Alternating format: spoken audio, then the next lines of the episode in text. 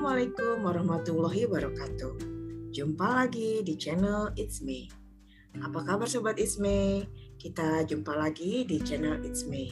Saya Melani Damayanti akan uh, menemani sobat It's Me untuk bincang-bincang. Kali ini saya menghadirkan narasumber yang lusa akan meluncurkan buku. Sebelumnya saya akan menyapa dulu narasumber kita kali ini uh, Mbak Ani Septiani SHSE. Ya, apa kabar Mbak Ani? Halo Mbak Mei, Alhamdulillah baik. Ya baik ya, seger ya. nih. ya, ya. Sobat Isme, uh, Ani Septiani SHSE ini adalah alumnus Universitas Indonesia.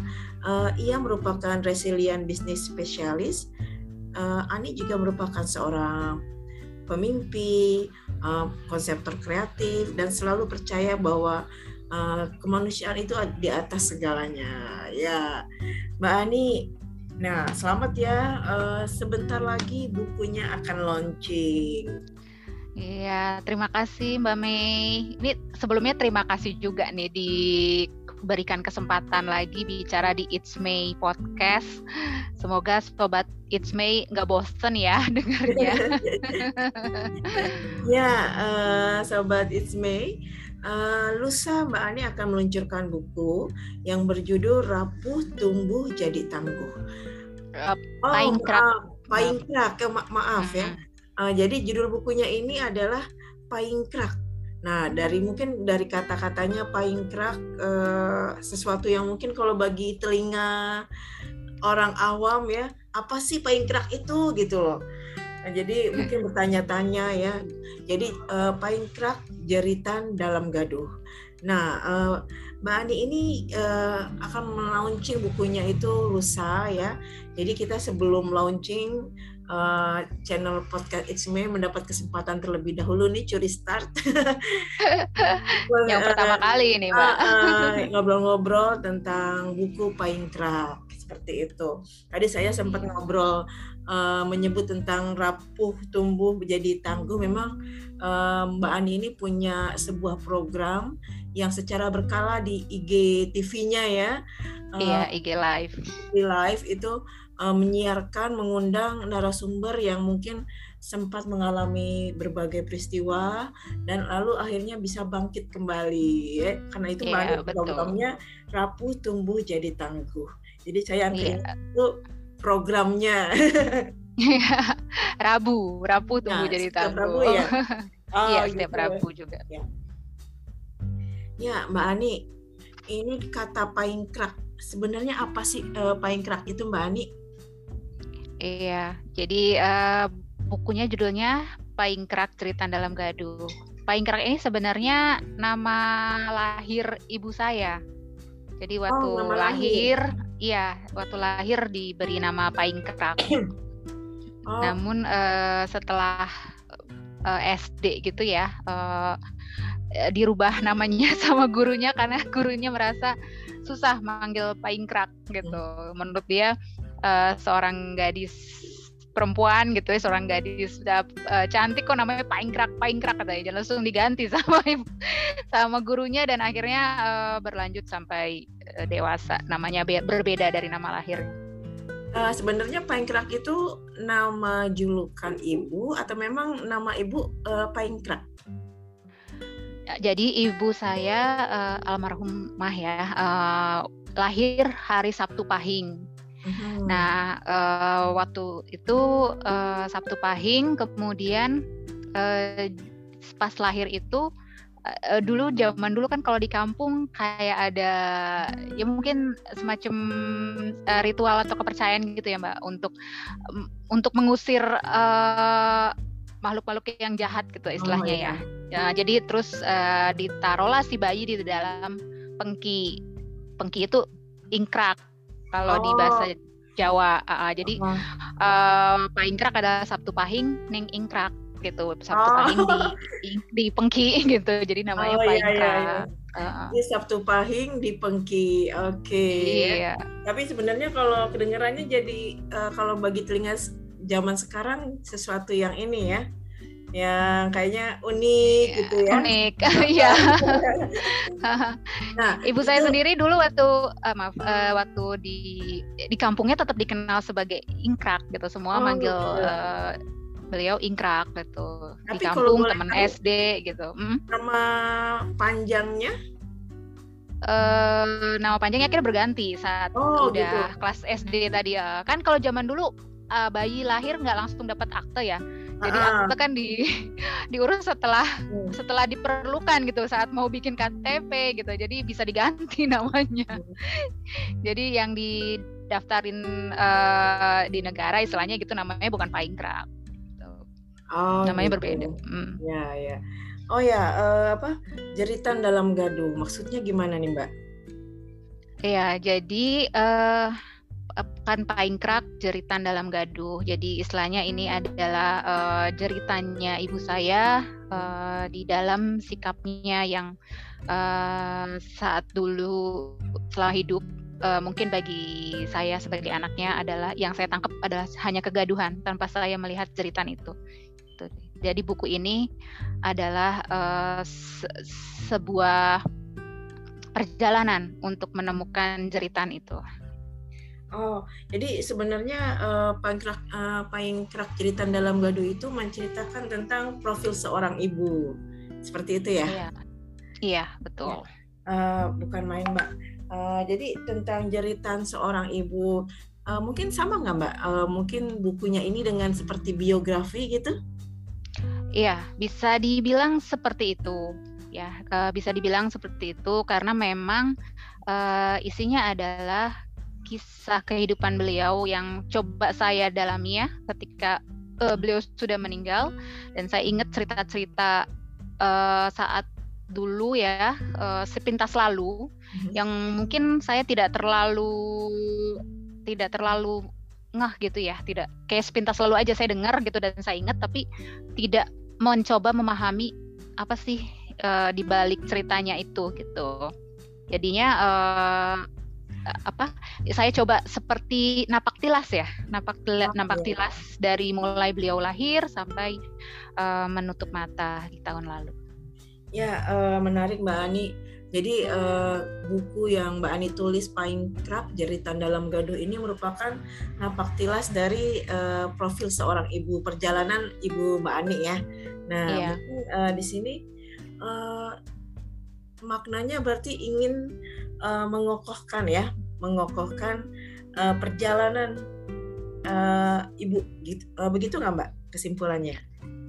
Iya, uh, sebenarnya tujuan awal kenapa saya menuliskan ya, kalau kalau mungkin ada pertanyaan gitu, uh, ya memang siapa sih gitu Pak Ingkrak gitu, terus kalau misalnya ditulis sebagai biografi, memangnya uh, siapa beliau gitu nggak ada yang kenal gitu misalnya ya. Nah uh, ini sebenarnya bukan lebih bukan menitik um, bukan memfokuskan terhadap uh, biografinya, tapi sebenarnya tujuan saya menulisnya adalah sebagai bagian dari healing terapi saya hmm. yang uh, saya di episode It's May sebelumnya saya menjelaskan kan kalau saya memang clinically clinically depres ya diagnosanya uh, tahun lalu saya didiagnosa depresi level menengah dan uh, saya mencoba untuk menuliskan buku ini sebagai bagian dari proses healing terapi saya gitu.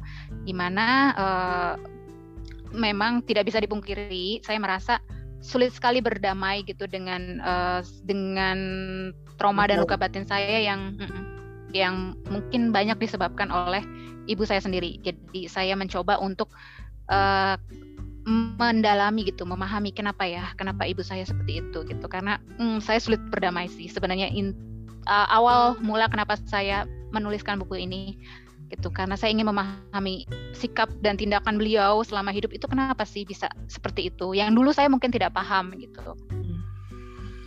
Ya uh, itu nih kadang-kadang ya kita manusia punya pemahaman yang terbatas ya. Ketika ya, sebuah peristiwa kita uh, ketika mungkin peristiwa itu sudah terjadi lama baru kita mungkin tahu maknanya ya seperti itu. Iya. ya Mbak Ani tadi kan menceritakan tentang buku ini mengkisahkan napak tilas ibu dari uh, uh, lahir ya sampai uh, ibu wafat. Nah mungkin uh, yang mungkin boleh saya tahu nih yang ber, berkisar tentang penulisan buku ini. Uh, bisa mungkin tahu ya ibaratkan jejak uh, ibu dari lahir gitu mbak uh, mbak menyusunnya yeah. bagaimana mbak saya menyusurinya dengan mencoba mengingat uh, mengingat ya uh, dari uh, dari cerita cerita yang pernah disampaikan ke saya. Kalau kalau jadi buku ini saya tulis dalam bentuk uh, puisi dan cerita mini.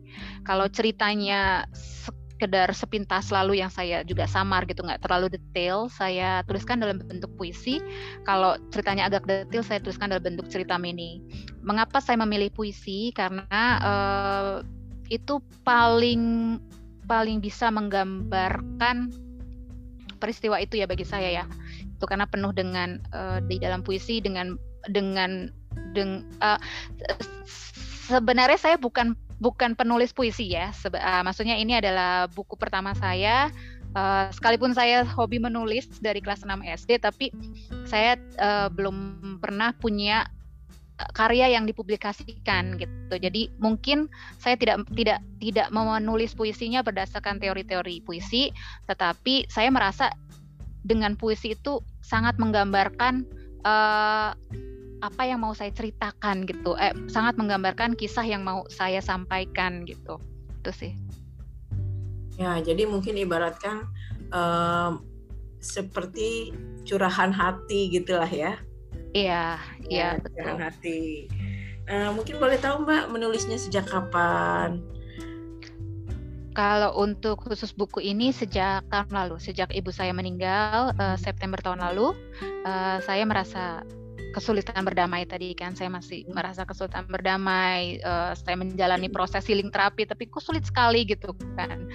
Ada apa gitu. Saya saya mempertanyakan diri saya sendiri juga gitu mencoba untuk uh, apa mendalami gitu kan. Terus saya tiba-tiba terlintas aja ide gitu. Kalau proses healing terapi yang untuk saya sendiri saya juga mencoba menulis uh, bagaimana kalau saya coba menulis tentang ibu saya gitu untuk memahami beliau gitu. Jadi uh, sejak jadi mungkin sekitar Oktober ya mulai menulisnya Oktober 2020.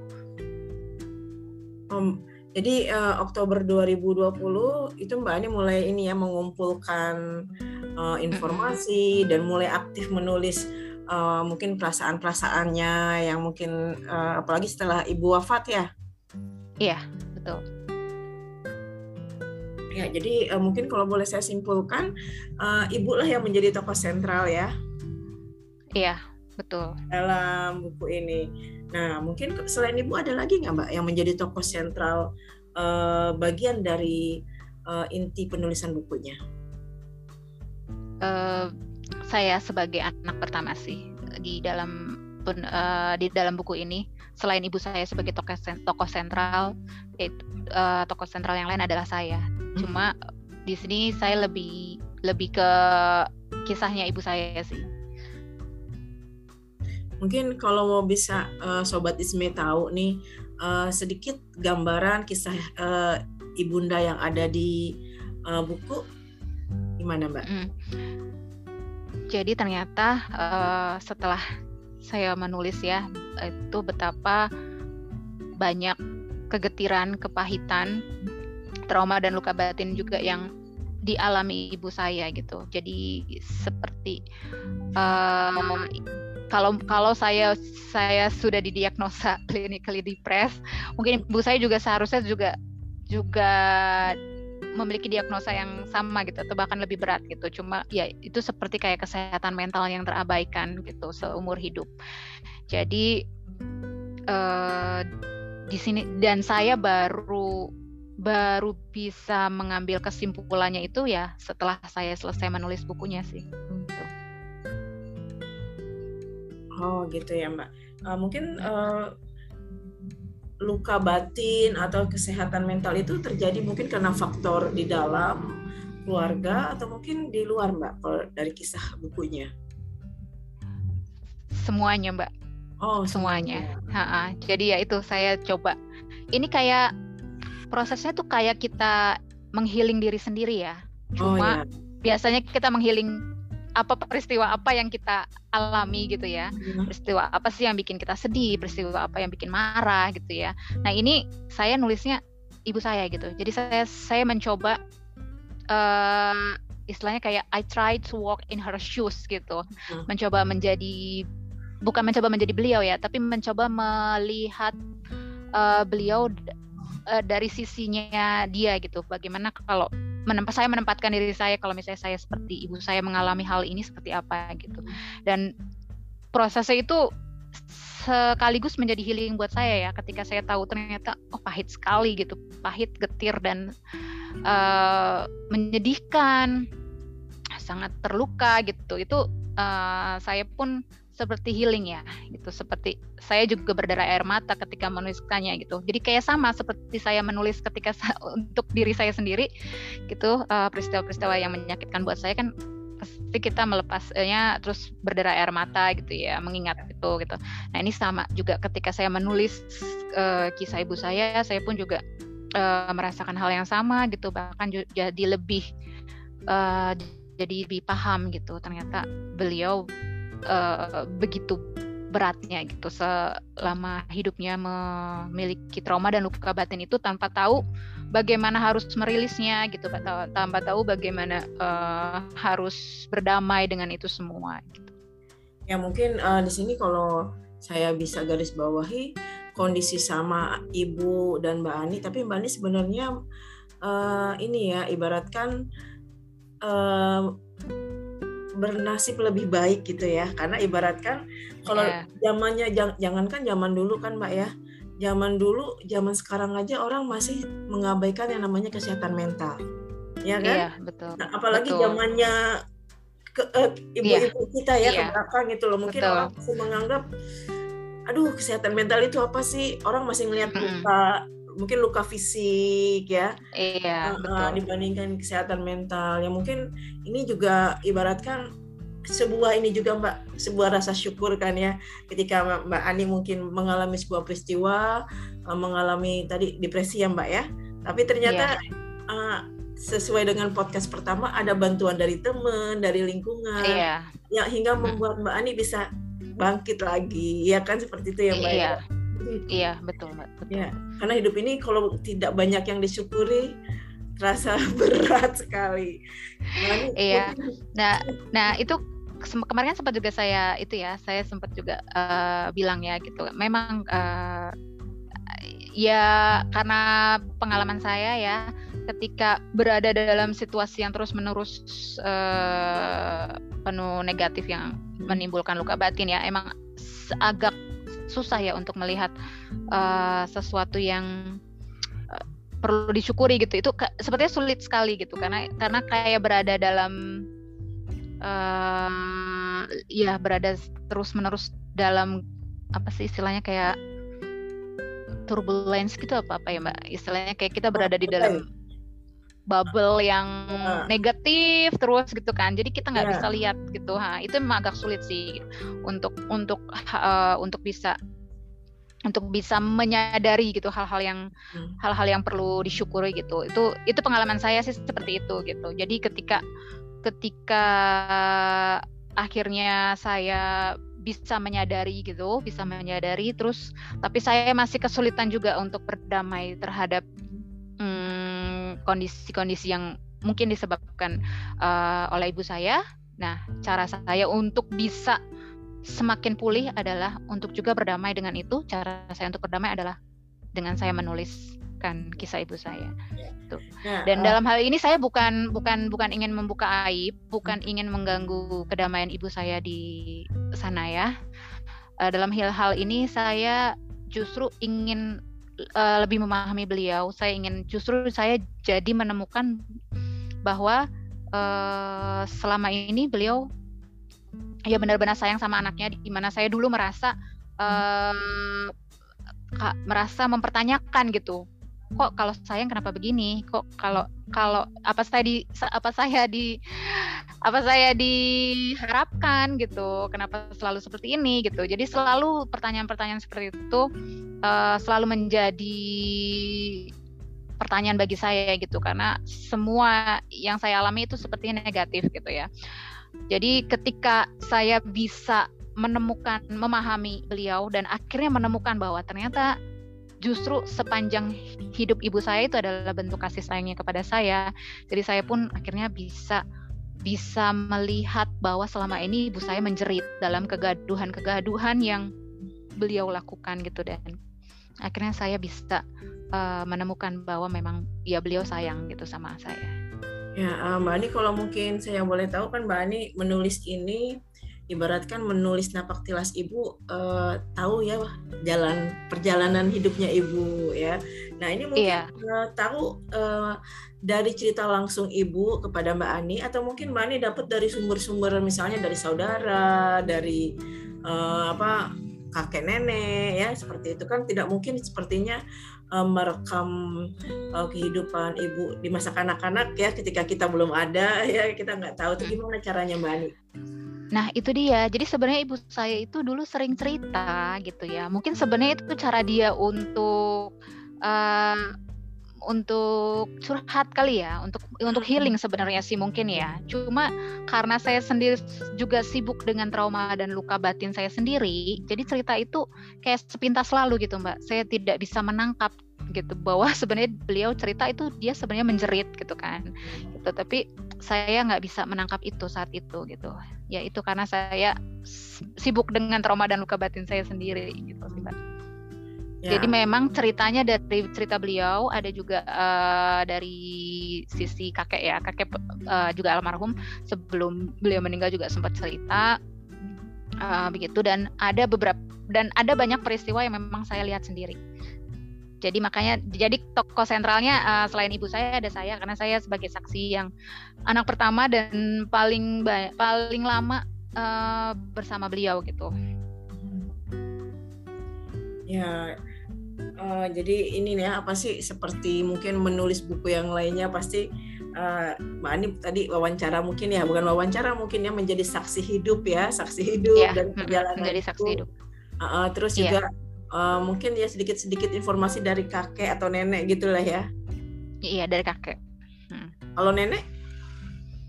Kebetulan uh, nenek juga sudah meninggal ya. Hmm. Jadi uh, kak, jadi apa? Uh, nenek yang apa sih dulu nenek ibunya ibu saya sudah meninggal, terus uh, kakek menikah lagi gitu. Hmm. Oh ya ya ya. Ya uh, Mbak Ani ketika menulis napak tilas perjalanan ibu ya uh, tentunya banyak rasa banyak emosi yang terjadi gitu kan ya. Oh jelas jelas jelas. Uh, jadi bisa uh, di ya mungkin bagi sobat It's Me yang mau tahu ya uh, gimana mungkin ketika menulis apakah pernah ambil berurai air mata atau mungkin tanpa karena ini adalah merupakan pengalaman pribadi berbeda dengan cerpenis langsung mengalir begitu saja gitu. Gimana mbak pengalamannya ya itu tadi mbak yang saya ceritakan. Ini kan uh, sama seperti kayak healing ya healing buat diri saya sendiri gitu. Jadi saya pun ketika menuliskan juga berderai air eh, berderayan air mata gitu. Terus merasakan uh, seperti merasakan emosi yang saat beliau rasakan di dalam peristiwa itu ya. Rasa kecewanya rasa takutnya rasa rasa ketidakberdayaannya gitu rasa lukanya gitu rasa sedihnya gitu rasa marahnya semua itu itu seperti saya rasakan gitu dan saya uh, ber, berderai air mata sih berderai air mata saat menuliskannya ya jadi uh, tapi kalau ini merupakan ibaratkan buku healing seperti kalau dalam psikologi itu ada istilahnya journaling ya Mbak ya. Iya, betul, uh, betul. Ya. Jadi yang tadi saya bilang kalau kalau buat diri sendiri kan kita journaling ya, tapi ini uh. Uh, bedanya adalah saya menjournaling orang lain gitu, dan ya. saya menempatkan uh, saya seperti beliau gitu. Ya, uh, mungkin ini ini Mbak ibaratkan kalau kita punya masalah ya kalau dalam journaling juga udah menulis ya mengemukakan unek-unek lah Iya. Kan uh, mungkin kita bisa nangis, mungkin perasaan yeah. yang terjadi itu udah lebih plong ya Mbak ya. Iya, betul, lebih plong. lebih ya pokoknya sedikit beban terangkat bahkan bukan sedikit lagi mbak oh, jadi iya. kayak jadi seperti yang tadi saya bilang ya uh, memang tidak bisa dipungkiri uh, saya bukan ingin menjelekkan ibu saya bukan cuma memang itu yang saya alami uh, depresi saya uh, ada banyak trauma dan luka batin juga yang saya dapatkan dari ibunda saya jadi ketika beliau meninggal pun saya juga jadi kesulitan gitu untuk berdamai. Ketika saya sudah berdamai dengan peristiwa-peristiwa saya sendiri tapi saya masih sulit gitu untuk untuk berdamai dengan ibu saya gitu uh, dengan segala peristiwa yang yang saya dapatkan gitu dari beliau. Nah makanya saya nggak tahu saya harus ngapain lagi gitu. Segala metode udah saya lakukan gitu. Yang saya tahu ya metode yang saya tahu udah saya lakukan. Kok masih sulit gitu? Kenapa gitu? Akhirnya ya saya mencoba mencoba untuk menuliskan kisah ibu, kisah ibu saya itu uh, untuk memahami beliau gitu. Apa sih sebenarnya kenapa sih beliau bersikap seperti itu gitu? Apa sih latar belakangnya? Terus uh, ya apa yang menyebabkan dia seperti itu gitu. Nah, setelah saya pahami itu justru jauh lebih lebih plong dan itu seperti kayak menemukan akar permasalahan ya, Mbak, gitu. Iya, ya. Mm -mm dan karena udah menemukan jadi kayak tercabut gitu ya. Dan ya alhamdulillah uh, saya merasakan merasakan sangat lega merasakan uh, lebih lebih ini lagi gitu ya untuk healingnya udah udah jauh lebih baik gitu. Ya uh, mungkin kalau saya boleh tangkap juga uh, ketika proses menulis ini dan uh, permasalahan dengan menulis ini sedikit terca uh, mungkin banyak yang ter keluar lah ya seperti yeah. itu uh, Mbak Ani bisa lebih empati mungkin ya atau mungkin lebih memahami yeah. perjalanan ibu seperti itu enggak? Ya betul betul betul saya lebih empati, saya lebih uh, tadi bisa lebih memahami beliau, saya bisa lebih menerima dengan peristiwa-peristiwa uh, yang terjadi, saya lebih yang paling utama adalah saya bisa memaafkan ya, memaafkan, menerima dan dan yang saya paling ini adalah itu saya menemukan jeritan ibu saya gitu. Dan uh, saya seperti merasakan uh, merasakan apa ya ininya rasanya ya kayak oh ini toh yang ini toh ternyata gitu. Uh, gimana ya cara ini ya ya ya ya ya, uh, sih. jadi ibaratkan uh, dengan menulis itu mbak Ani selama ini mungkin uh, sosok ibu itu kalau ibaratkan uh, sebuah kepingan puzzle kepingan puzzle yang mungkin tidak utuh gitu ya tapi ketika ya. menulis mbak Ani bisa mencurahkan rasa, emosi, mendapat informasi dengan berbagai dari berbagai pihak dan pasal itu menjadi utuh dan Mbak Ani bisa lebih ya. melihat ya. sosok ibu yang ya. sebenarnya gitu nggak? Ya betul betul. nah makanya uh, ini boleh sekalian uh, ini ya sih apa kan rencana launchingnya. Boleh boleh. Hari ya rencana launchingnya kan hari Rabu ya Mbak. Itu bertepatan juga dengan uh, IG Live saya Rabu Rabu tumbuh jadi tangguh. Dan itu uh, yang uh, tema ininya adalah perjalanan self jadi sekalian book launching uh, paling gerak cerita dalam gaduh perjalanan self healing membangun ulang realita. Nah itu jadi membangun ulang realitanya itu jadi seperti yang tadi Mbak Mei uh, simpulkan seperti menemukan potongan puzzle gitu, menyatukan potongan puzzle seperti itu Mbak. Ya uh, bisa kebayang Mbak. ya, selama ini kalau saya mengibaratkan seorang penulis novel ya uh, perlu mencari data, riset juga ya ketika untuk hmm. menulis sebuah apa uh, sebuah karya yang ingin dia hasilkan. Tapi uh, yang bisa saya tangkap dari Mbak Ani, walaupun ini Mbak Ani merupakan pengalaman pribadi, tetap Mbak Ani mungkin uh, mengumpulkan berbagai informasi tentang ibu ya. Tapi dan ini menjadi media sebu sebagai healing uh, Mbak Ani dan uh, akhirnya bisa menjadi sebuah konstruksi baru ibu ya Iya. Ya, uh, bukan main Mbak. Jadi ini saya pikir sebuah pengalaman yang apa? Pengalaman uh, emosi yang mungkin uh, sangat berharga ya mungkin dialami oleh Mbak Ani dan mungkin uh, mudah-mudahan juga ketika buku ini dibaca oleh uh, pembaca yang memiliki mungkin nasib yang sama gitu atau mungkin kemiripan yeah. kisah gitu ya bisa mendapat yeah. pembelajaran ya bisa mendapatkan hikmah dari kisah yang ada uh, di buku ini gitu kan ya Iya betul mbak. Nah uh, saya jadi salah satu tujuan. jadi ingat kata kata-kata seperti ini ya kita tidak uh, apa ya kita tidak bisa ya memilih dilahirkan oleh siapa gitu kan ya. Iya. Nah, itu adalah hak prerogatif sang maha pencipta ya. Kita nggak bisa memilih dilahirkan oleh siapa, siapa orang tua kita gitu kan.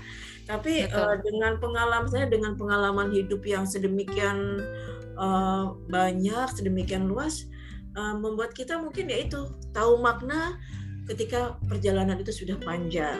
Ya tapi itulah hidup teka-teki yeah. hidup ya nggak mbak. Iya betul betul mbak. Betul sekali. Ya bukan main mbak. Mbak dari Paingkrak ini berapa halaman mbak? Uh, 147 ya? 147 halaman. Uh, sekitar itu 147 halaman itu rencananya akan didistribusikan secara umum atau mungkin untuk kalangan terbatas? Uh, sebenarnya secara umum uh, bisa order langsung ke saya, terus uh, ada di Tokopedia juga. Eh, sorry, nyebutin marketplace boleh nggak? oh, ya, Mbak. Gitu. Ya. ya, jadi uh, ini uh, walaupun ini merupakan sebuah buku healing yang juga uh, bagian pengalaman pribadi, tapi bisa dikonsumsi secara umum juga ya Mbak ya. Iya, uh, saya berharap sih begitu ya Mbak. Uh, setidaknya uh, bisa pertama secara umum bisa menginspirasi karena di sini ada ada satu ada satu uh, satu keteguhan uh, ibu saya ya satu cita-cita beliau yang uh, istilahnya dia terus menerus uh, memperjuangkan gitu. Jadi uh, secara umum saya ingin orang bisa bisa yakin gitu kalau punya cita-cita itu uh, akan tercapai gitu ya.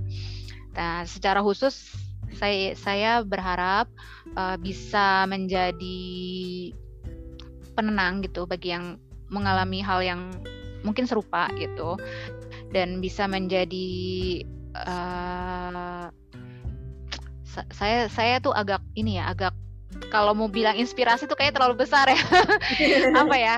Sebagai contoh kali ya sebagai contoh gitu. Pembelajaran. kalau memang pembelajaran kalau memang saat ini masih uh, masih struggle gitu dengan kondisi yang mungkin serupa dengan saya mungkin memiliki uh, toxic parent gitu barangkali bisa menggunakan metode seperti yang saya lakukan gitu untuk memahami uh, orang tua kita dengan tujuan supaya kita bisa berdamai, bisa lebih lebih lebih bahagia gitu uh, bisa menjalani kehidupan dengan lebih lebih lebih bahagia lebih tenang gitu. Terutama kalau kalau orang tua masih hidup ya uh, kalau uh, dan juga kalau memang pembacanya adalah sudah menjadi orang tua uh, sebisa mungkin untuk memutus trauma untuk menyelesaikan dirinya sendiri gitu. Jangan jangan meneruskan trauma ke anaknya jangan uh, intragenerational trauma gitu. Jangan diteruskan gitu ke anak. Gitu sih pak. Mbak. Iya mbak. Tapi uh, yang namanya luka batin luka mental susah ya mbak. Kadang-kadang tuh sepertinya di ini ya mbak. Di mana sih ya? Di mm uh, alam bawah sadar ya.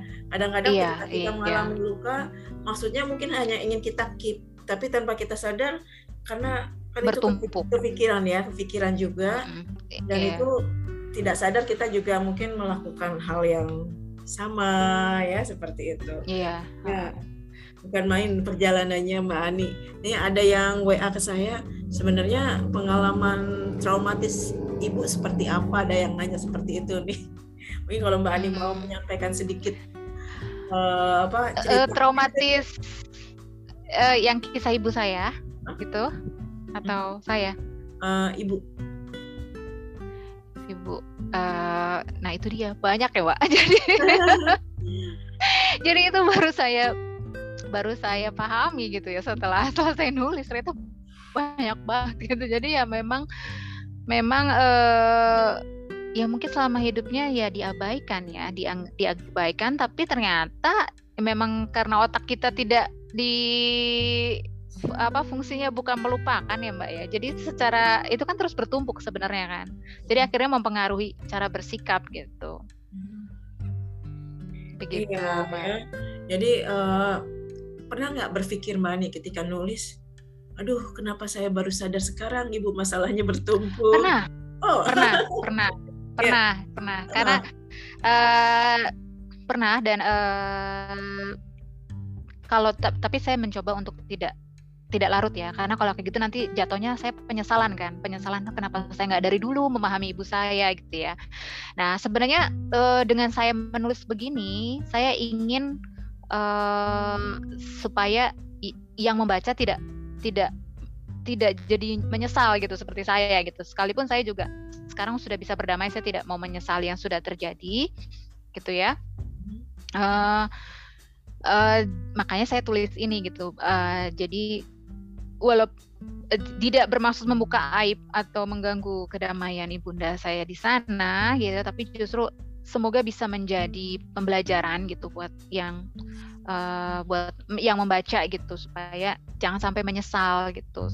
Jangan sampai terus menerus uh, hidup dalam uh, sikap yang uh, jangan sampai terus menerus memendam trauma dan luka batin itu terus akhirnya mungkin uh, kalau orang tua yang masih mungkin masih masih berjuang dengan orang tua yang terkesannya toksik gitu ya. Jadi akhirnya kan ya hidupnya ya kurang kurang tenang ya gitu. Jangan sampai terus menerus seperti itu gitu. Jangan sampai seperti saya gitu sih. Ya mbak. Jadi uh, mungkin dalam bukunya itu juga menceritakan tentang kesehatan mental nggak mbak? Iya. Itu kan juga bagian dari kesehatan mental ya. Hmm. numpuk trauma. Jadi kesehatan mental yang terabaikan ya. Tapi maksudnya uh, secara tegas menceritakan tentang kesehatan mental seperti itu? Oh, tidak, tidak. Oh, tidak. Itu hanya ke uh, hanya kesim apa itu saya berikan di kesimpulan saya terakhir sih. Oh, oke okay. ya. Dan ada kesimpulan dari dari yang membaca sih. Ada yang ada kesimpulan dari yang membaca dia uh, memberi memberikan pendapatnya gitu bahwa bahwa ini adalah uh, salah satu contoh kisah kehidupan seorang perempuan yang uh, mungkin terjebak dalam dalam jebakan kemiskinan salah satunya adalah kesehatan mental yang terabaikan. Ya ya, jadi ini bisa menjadi semoga buku Paling Kerak ini ya jeritan dalam gaduh bisa menjadi mungkin pembelajaran ya bagi uh, pembaca yang mungkin Amin. memiliki masalah yang sama ya, karena biar bagaimanapun yeah. perjalanan uh, seseorang itu juga secara tidak langsung uh, ya memiliki tantangan yang berbeda-beda ya, kisah yang berbeda-beda ya seperti itu. Ya, Jadi betul. Betul. dengan mungkin uh, kita mungkin belajar pengalaman termasuk belajar pengalaman uh, ibunda Mbak Ani almarhum dan Mbak Ani kita jadi mungkin tahu uh, pentingnya mungkin relasi hubungan antara orang tua dan anak ya terus juga kalau kita mungkin yeah. memiliki apa ya mungkin uh, luka batin dan sebagainya carikan solusinya. Ya carikan iya, solusinya. ya kadang-kadang juga ini mbak. Ya saya juga pernah ngerasain gitu ya. Hmm. ketika orang tua mau ngomong gitu kita kan juga udah sibuk ya. Yeah. mau jadi teman ngomong kita juga mungkin waktunya sebagai pendengar. Yeah. terbatas ya. Itu mungkin pengalaman sekarang juga pas saya punya anak juga mikir nih anak udah ajak ngomong kok susah gitu. Tapi itu padahal orang tua juga hmm. perlu menyampaikan ini ya yeah. uh, unek-uneknya pada anak tapi mungkin anak-anak juga yeah. karena masih muda ya mbak ya jadi mungkin nggak mm. berpikir apa oh ternyata ibu mau ngomong karena ada masalah dan sebagainya seperti itu mm. ya yeah. uh, dan uh, dan khusus saya pribadi ya ya itu tadi mbak ketika uh, dulu ibu saya mencoba mungkin mengeluarkan unek-unek selain saya mungkin uh, sayanya belum paham ya dengan apa uh, itu juga ada rasa ya itu tadi rasa udah karena saya saya memendam trauma dan luka batin saya sendiri jadi kayak udah kayak males dengerin gitu ya. Kayak kayak lelah gitu ya gitu kayak seperti itu ya. Jadi jadi tidak bisa menangkap uh, maksud dari unek-unek maksud dari ceritanya beliau gitu unek-unek yang disampaikan gitu iya mbak. Uh, mungkin dalam uh, launching buku Rabu besok uh, itu akan menghadirkan narasumber -hmm. siapa saja mbak Iya ada Bang Riri Satria -hmm. uh, dan uh, juga Mbak Ririn Vina Rizdayanti. Uh, keduanya pernah jadi narasumber di It's May ya. ya. Uh. Yang uh, ya yang jelas uh, akan berbicara akan membedah buku ini dari masing-masing uh, kepakarannya masing-masing gitu da dari Mbak Ririn Vina dari sisi psikologinya, kemudian dari Bang Riri Satrianya akan membedah dari sisi penulisannya, kreativitasnya, dan uh, mengapa buku ini uh, layak untuk dimiliki di setiap keluarga. Mm-hmm. Gitu, Mbak. Semoga ya, semoga setiap keluarga yeah, yeah. memiliki satu buku ini sebagai pembelajaran tam, tah, uh, tambahan untuk uh, kesehatan mental dan uh, hubungan relasi antara orang tua dan anak yang lebih sehat. Ya betul gitu. ya. Apalagi saat ini kita sudah mulai semakin menyadari tentang pentingnya kesehatan mental ya. Iya. iya. Uh, Mbak Ani terima kasih banyak nih sudah bincang-bincangnya sama-sama Mbak, terima kasih juga. Bocoran uh, buku dari Paingkrak ya. Nah, semoga uh, sukses untuk launching bukunya dan semoga juga uh, benar-benar buku itu menjadi sebuah healing ya bagi Mbak Ani ya. Menjadi sebuah yeah. healing dan mungkin disusul karya-karya barunya. Amin. Terima kasih Mbak Mei. Mbak Mei datang ya. Wah, insya Allah ya. Uh, ya, Sobat Ismay, demikian bincang-bincang saya dengan uh, Mbak Ani Septiani uh, tentang uh, ulasan buku yang akan di launching pada hari Rabu besok yang judulnya itu adalah Paingkrak Jeritan dalam Gado. Nah, sobat Isme yang mungkin penasaran ya dengan buku tersebut, uh, nanti mungkin bisa japri saya ya untuk kontak Mbak Ani atau bisa juga tadi katanya ada di salah satu marketplace ya seperti itu. Ya, iya. sobat yeah. Isme, uh, semoga untuk sesi kali ini uh, uh, memiliki sebuah insight dan tadi pembelajaran ya tentang pentingnya komunikasi antara orang tua dan anak dan juga uh, bagaimana pentingnya kita untuk menjaga kesehatan mental ya seperti itu. Iya. Jadi ya karena luka fisik mudah dilihat, mudah ya. disembuhkan. Luka batin tidak mudah dilihat dan sulit untuk disembuhkan ya seperti Betul. itu.